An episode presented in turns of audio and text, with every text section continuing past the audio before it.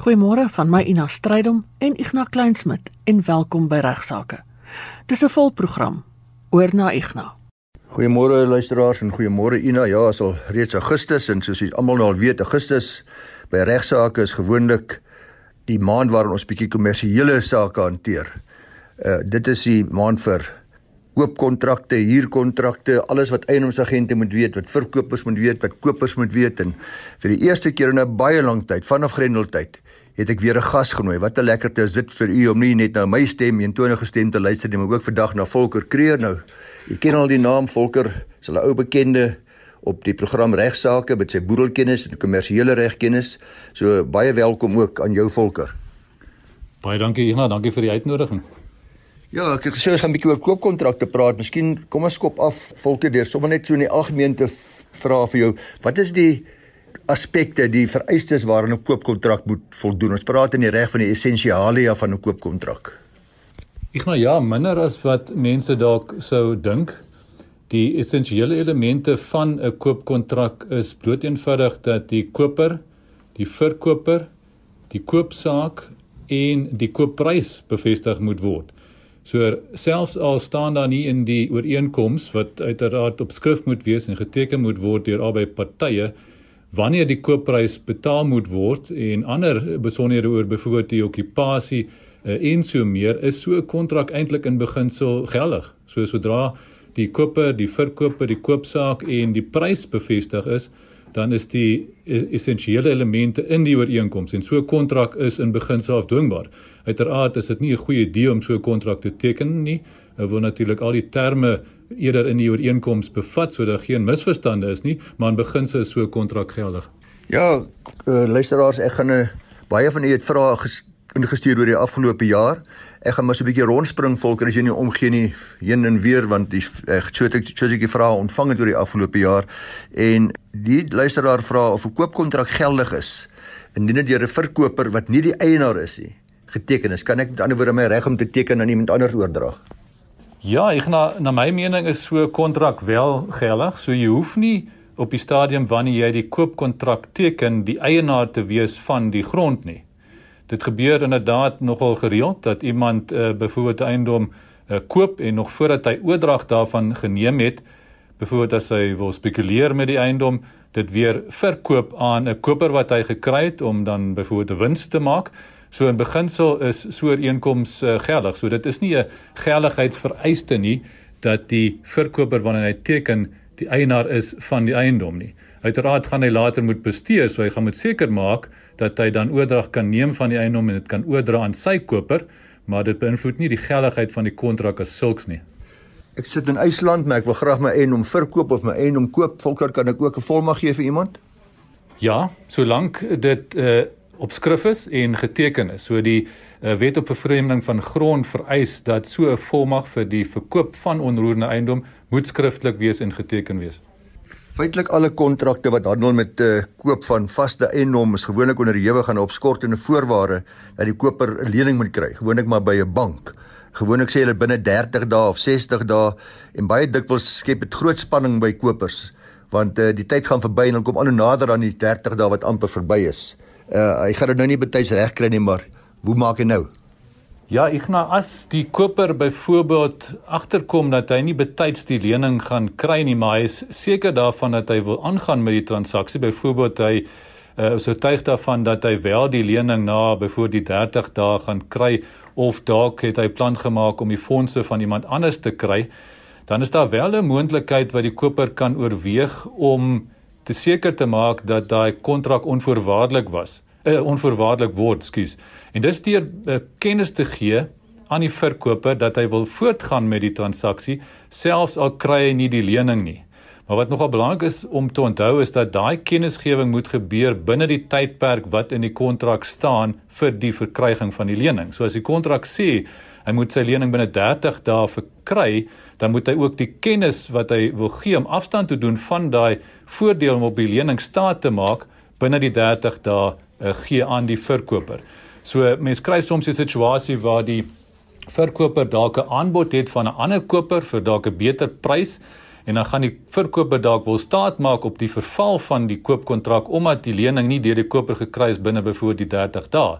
Nou in so 'n situasie as die koper wil seker maak hy kan aangaan met die transaksie as hy seker is sy finansiering is reg, dan kan hy so kennisgewing vir die verkoper gee. Kry skryf hierso van Josephus Fourie, baie interessant. Hy vra in in Netedop Uh wat kan hy doen? Die verband is nou in sy naam geregistreer as 'n as as hy's getroud uh en hy wil graag hierdie verband nou oordra in die naam van sy vrou of dalk in hulle albei se name. Kan mense doen of nie? Jy gaan weer by die bank in my ondervinding moet aansoek doen vir finansiering in albei die gades uh, se name. So ehm um, ongelukkig uh, kan hy nie net met die vrou reël as sulks nie. Die bank gaan dit moet goedkeur. Die bank gaan natuurlik dan ook weer kyk na die kredietwaardigheid uh, van hom, hy het ervoor in die lening goedgekeur en dan ook natuurlik van sy vrou as hy dan uh, die mede verbandgewer uh, moet word. So uh, ou sal ongelukkig daai proses deur die bank moet volg en dan gaan die bank waarskynlik vereis dat die bestaande verband gekanselleer word en 'n nuwe verband geregistreer word in die naam van albei van hom en sy vrou. So ongelukkig gaan daar uh, koste implikasies uh, uh, wees wat uh, hy dan gedagtes sal moet hou. Ek weet dat baie van ons nie altyd in staat is om onmiddellik te koop nie, die kontant is maar skaars en ons die bank wil ons nie help nie. Wat sal jy vir 'n koper adviseer waar 'n eiendom verkoop op die basis dat die koopprys afbetaal word? Ek is altyd baie ligtig daarvoor die sogenaamde koop op afbetaling transaksies. Ja, ek nou ehm um, dit is definitief 'n uh, tipe transaksie waar mens goeie advies moet inwin en bevoor as daar agente betrokke is by die transaksie, dan sou ek voorstel dat 'n mens dalk nie net staat maak op 'n kontrak wat wat deur die eiendomsagent opgestel word nie. Ek sou dink dat 'n mens in so 'n geval maar liewes behoorlike regsadvies van 'n prokureur wat op die gebied spesialiseer behoort in te win. Uh, dis onder andere omdat byvoorbeeld die nasionale kredietwet relevant is of kan wees. Daar's 'n paar uitsonderings waar die wet nou nie geld nie al betaal die koper die koopprys af, maar in baie gevalle is die wet wel van toepassing en dan is daar addisionele vereistes wat nagekom moet word. So byvoorbeeld moet die koper voor die sluiting van die koopkontrak 'n kwotasie kry wat duidelik uiteensit wat die rente en koste implikasies van die transaksie is sodat hy 'n ingeligte besluit kan neem. Dis een van die vereistes. Dan andersins eh, as die wet weer eens van toepassing is, moet die verkoper ook geregistreer word as 'n kredietverskaffer by die nasionale kredietreguleerder. So dit is ook 'n relevante oorweging. Ook by 'n afbetaling uh, is 'n groot vraag altyd wanneer gaan 'n mens die eiendom oordra aan die koper? Want uit die koper se oogpunt vat hy natuurlik 'n risiko as hy die koopprys reeds afbetaal aan die verkoper nog voordat hy die eiendom oorgedra het in sy naam. So daar's 'n risiko vir die koper. Aan die ander kant wil 'n verkoper ook nie eintlik die eiendom oordra aan die koper voordat hy nie die volle koopprys ontvang het nie. Want as die koper nou oordag geneem het en hy het dalk finansiële probleme, word dalk selfs insolvent verklaar en betaal nie die koopprys nie, dan sit die verkoper met 'n probleem want hy het nou klaar die eiendom oorgedra, het nie meer daai sekuriteit nie. So daar moet mense ook mooi kyk na verskillende opsies. Uh, waarna ons baie keer uh, kyk is dat die koper 'n redelike groot deel van die koopprys as 'n deposito betaal en dan dra ons maar die eiendom oor aan die koper en registreer 'n verband te gunste van die verkoper as sekuriteit. Ons noem dit 'n privaat verband. So is maar baie dieselfde as 'n verband wat te gunste van 'n bank geregistreer word. So 'n verband kan 'n mens ook te gunste van 'n verkoper registreer as sekuriteit. So daar's 'n klomp goed wat ek dink nogal belangrik is. So as uh, enige van die luisteraars ooit wil kyk as koper of verkoper na afbetalingstransaksie, dan uh, moet hulle dalk maar liewes behoorlike advies inwin. Volker ek sien hierdie selfe luisteraar vra ook die onder as die laaste sinnetjie in sy brief sê wat is 'n sogenaamde loaded deal? Terwyl ek dit nou sê, dink ek sommer ek hoop daar's ook baie eienaarsagente wat vandag luister want ek dink daar's soveel wenk, so baie wenke wat Volker gee, nie net vir verkopers en kopers nie, maar veral ook aan eienaarsagente. Loaded deals, wat is dit?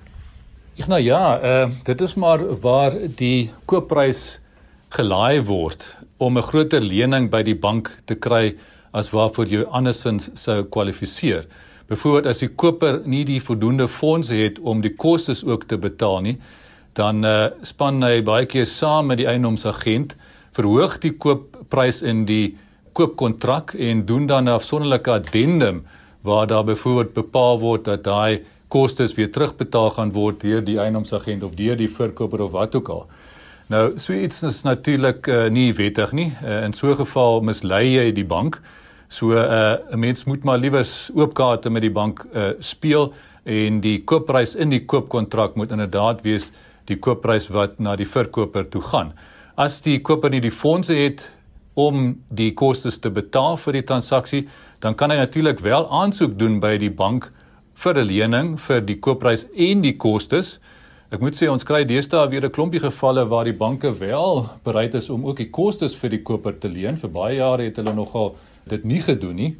Maar ehm um, jy moet oop kaarte met die bank speel. Jy kan nie die bank mislei deur byvoorbeeld die koopprys te laai en dan die geld te gebruik, gebruik vir die kostes. Uh, nie.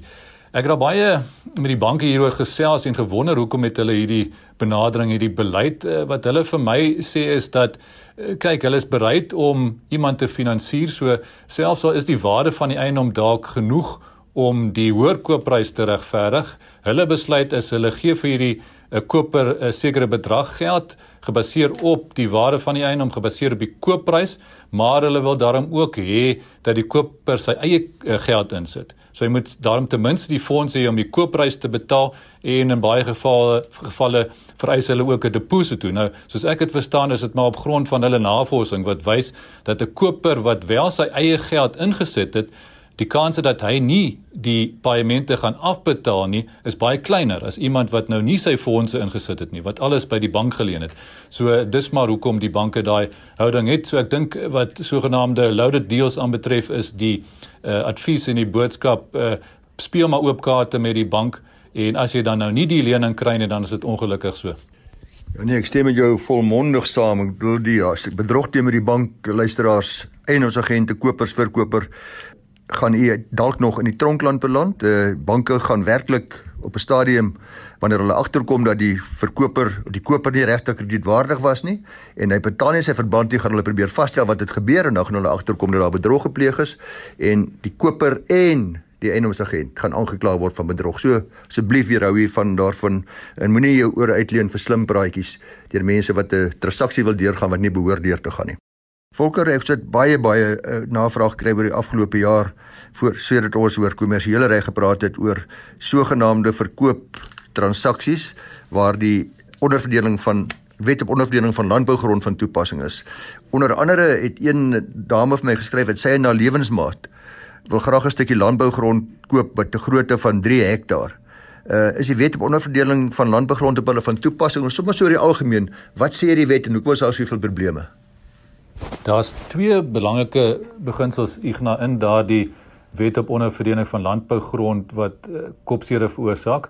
Nou die een is dat jy nie sonder die minister van landbou se toestemming mede-eienaar mag wees van landbougrond nie. So in daai geval kan die luisteraar in die lewensmaat ongelukkig nie sonder meer die eiendom koop en dit in albei se name registreer nie jy moet toestemming kry van die minister wat nogal 'n langerige proses is en wat ook dikwels onsuksesvol is. So die idee van die wet is maar om te verhoed dat landbougrond uh, opgesnipper word in klein gedeeltes wat nie ekonomies geboer op kan word nie en ook om te verhoed dat daar mede-eienaars is met dieselfde effek van uh, landbougrond. Nou sodra die eiendomsbeskrywing van die eiendom verwys na plaas, dan is dit gewoonlik landbougrond. So in 'n geval waar dit selfs 'n klein stukkie grond is van 3 hektaar, kom ons sê dis naby 'n dorp of 'n stad of wat ook al, solank dit solank daar nog nie dorpstigting daar plaasgevind het nie, dan is dit nog landbougrond en in so 'n geval geld die wet ongelukkig. So daai luisteraar sal nie sonder meer die eiendom uh, in albei se name kan koop nie. Dieselfde geld waar 'n mens 'n stuk grond wil onderverdeel, gebeur maar baie keer dat byvoorbeeld 'n pad die landbougrond opdeel in twee gedeeltes wat nou een um, gedeelte nog by die aktekantoor is en dan wil die mense dikwels die een stuk afsny en uh, verkoop selfs verkoop aan die buurman wat dit uh, dalk uh, wil hê. Maar ook in so 'n geval moet jy aan die wet voldoen. So jy moet dan ook 'n aansoek uh, bring. Jy moet onderverdelingskaarte laat opstel deur 'n uh, landmeter en die minister moet dan toestemming gee Nou my ondervinding is dat die minister gewoonlik toestemming sal gee vir so so onderverdeling as daai gedeelte wat afgesny word dadelik weer gekonsolideer word met 'n stuk langs aan. En solank die stuk wat terugbly nie te klein is nie, dan gaan jy gewoonlik in my ondervinding toestemming gee. Uh ekskuus tog uh, toestemming kry by die minister. Maar uh, ongelukkig moet daai proses wat 'n paar maande uh, kan vat gevolg moet word en jy kan nie sonder meer net landbougrond onderverdeel en verkoop nie. Volker, soos jy baie goed weet as 'n prokureur wat transportwerk doen en baie met eienaarsagente de mekaar skry ons talle talle talle navrae op hierdie program wat handel met agentkommissie en wanneer is agent geregtige kommissie en wanneer nie en verskillende scenario's en die mees algemene scenario's is dat ek gee nie alleen mandaat nie ek gee sommer aan al die kont al die agente wat ek ken wat ek van weet of wat ek van hoor gee ek 'n mandaat om my huis te verkoop. Nou kom daar kopers by my aan en skielik het ek twee kopers wat in my eiendom belangstel deur twee verskillende agente na my toe verwys hoe nou Ja, daarmee moet 'n mens maar uh, versigtig wees en uh, seker maak dat 'n mens uh, nou nie byvoorbeeld vir dubbele uh, agentekommissie aanspreek kan raak nie. Uh, so ja, uh, die basiese beginsel is dat 'n mandaat aan 'n uh, eienoomsagent is uh, maar eintlik 'n kontrak. En die terme van daai kontrak is dat jy het 'n mandaat om 'n koper te kry en as jy koper kry en die transaksie realiseer, dan is jy in beginsel as eienoomsagent geregtig op kommissie. So is maar elke keer 'n feite vraag of daar so 'n kontrak was en of die kontrak uh, vervul is. Met ander woorde of die agent 'n uh, gewillige uh, uh, koper gekry het en dan kan jy aanspreek raak vir kommissie. So waar daar meer as een koper is, uh, dink ek is dit nogal belangrik om versigtig te wees.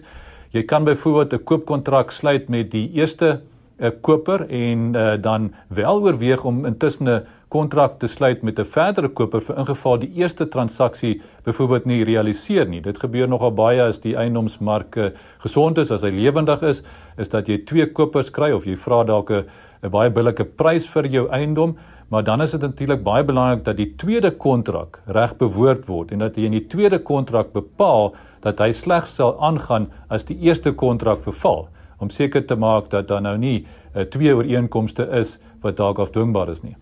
Ja, so wat ons vir luisteraars sê, Volker, asseblief wees billik teenoor die agent wat werklik die effektiewe oorsaak van die transaksie was want daardie agent is geregtig op kommissie uh, as sy as die normale vereistes vir agentekommissie nagekom is. En uh, sommer terloops wanneer kan 'n eienaarsagent kommissie van die koper eis? Indien die ooreenkoms dan nou weens die koper se kontrak breek beëindig word. In ander woorde, die koop die agent het sy of haar werk gedoen die koper is gegee vir die regte prys en nou besluit die verkoper nie ek sien wil is om te verkoop nie. In die meeste gevalle glo ek dat as dit gebeur sal die agent ook die koper kan aanspreek hou. Die agent is normaalweg 'n party tot die ooreenkoms uh, en uh, die kontrak gaan uh, in die meeste gevalle ook spesifiek bepaal die, dat die agent 'n eis het teen die koper as die koper byvoorbeeld uh, sy kontrak breek pleeg deur nie die koopprys te betaal nie of wat ook al die geval mag wees. So 'n uh, koper wat uh, kop uittrek uh, uh, staan nie net 'n uh, eis van die verkoper in die gesig nie, maar ook 'n potensiële eis van die eienoomsagent vir sy kommissie. Nou uh, die volgende vraag uit 'n eienoomsagent se oogpunt is natuurlik of dit die moeite werd is om die koper te dagvaar. En uh, daar sal 'n uh, Ignas kan beter as ek vir die luisteraars kan verduidelik dat dit ook maar 'n uh, risiko's en koste-implikasies en so meer tot 'n gevolg het. So ou moet baie keer maar twee keer dink of jy nou so 'n koper as eienoomsagent gaan aanspreek hou. Maar in beginsel uh, glo ek dat in feitelik uh, die meeste gevalle 'n uh, agent ook 'n eis sal hê teen die koper as die koper kontrakbreuk pleeg. En as die verkoper kontrakbreuk pleeg, as hy besluit hy wil nie meer verkoop nie, Beginsel is glo ek dieselfde. So ek dink die agent sal dan ook die verkoper aanspreek kan hou. So as die koper byvoorbeeld besteer en die verkoper trek eenvoudig net kop uit, dan kan uh, die koper ook die uh, die verkoper aanvat uh, en ook die agent kan die verkoper aanvat uh, vir sy agentekommissie. Nou wat dikwels gebeur, kopers is ook baie keer 'n bietjie stout en hulle smous 'n bietjie, hulle gaan na verskillende agente toe en uh, nou het jy kompeterende eise. Albei agente sê, "Maar ek het eintlik hierdie ek was eintlik effektiewe oor. Ek het die huis vir jou gaan wys." Die tweede agent sê, "Ja, maar ek het jou voorgestel aan die aan die verkoper ensovoorts." Hoe hanteer 'n uh, eienaarsagent sulke kompeterende eise in praktyk? Ja, ek gaan my advies aan die agente en ons sit nogal baie met daai situasie dat twee agente werk aan 'n transaksie en twee agente met reg kan argumenteer dat hulle deel was van die effektiewe oorsaak van die koop ek sê altyd vir die agente hoorie moenie beklei nie. Hofsaak is 'n klomp kostes, dit uh, is 'n lang proses. Praat liewers met die partye, die koper en die verkoper, praat liewers met die eiendom uh, die ander eiendomsagent en kom liewers ooreen met die ander eiendomsagent wat dalk betrokke was by die transaksie op 'n verdeling van die kommissie. Byvoorbeeld 50-50 of as die een agent voel hy het uh, wat meer bygedra 60-40, 70-30 of wat ook al die geval mag wees. Uh, eerder dit as dat die transaksie dalk skibreek lê omdat daar hierdie dispuut is of dat uh, die saak dalk in die hof uh, land wat wat selde die moeite werd is. So gesels liewers met die ander agent. Iets wat baie gereeld gebeur luisteraars en ons kry daaroor baie navraag is die uh, verkoper is nie 'n persoon wat gereeld in die eiendomsmark is nie en hy gee die agent opdrag en die volgende oomblik stuur die agent vir hom 'n dokument sogenaamde aanbod. En sê teken asseblief vir die aanbod meneer, ek het uh, iemand wat belangstel in jou eiendom. Volker, dit is baie gevaarlik nê, nee, want daai aanbod as dit aanvaar word, stel eintlik 'n koopkontrak daarop wat. Ja, 'n koopkontrak bestaan of ontstaan uit 'n aanbod wat gemaak word en daai aanbod wat aanvaar word. So sodra 'n mens uh, so 'n skriftelike aanbod teken in gevolg die wet op vervreemding van grond soos ons voorheen al gesê het, is uh, dit wel 'n vereiste dat die goed op skrif moet wees. Maar uh, sodra daar 'n dokument is wat deur beide die verkoper en die koper geteken is en die essensiële elemente van 'n koopkontrak is in daardie ooreenkoms beliggaam, dan het jy eintlik 'n bindende koopkontrak en dan uh, is jy natuurlik uh verplig om daaraan uh, uitvoering te gee. So wees maar versigtig wat 'n mens uh, sonder meer net uh, of wat jy sonder meer net teken. Kyk mooi na die inhoud, kry advies as jy onseker is oor die terme en uh, teken liewers eers daarna as jy oortuig daarvan is dat jy gelukkig is met die inhoud van die ooreenkoms.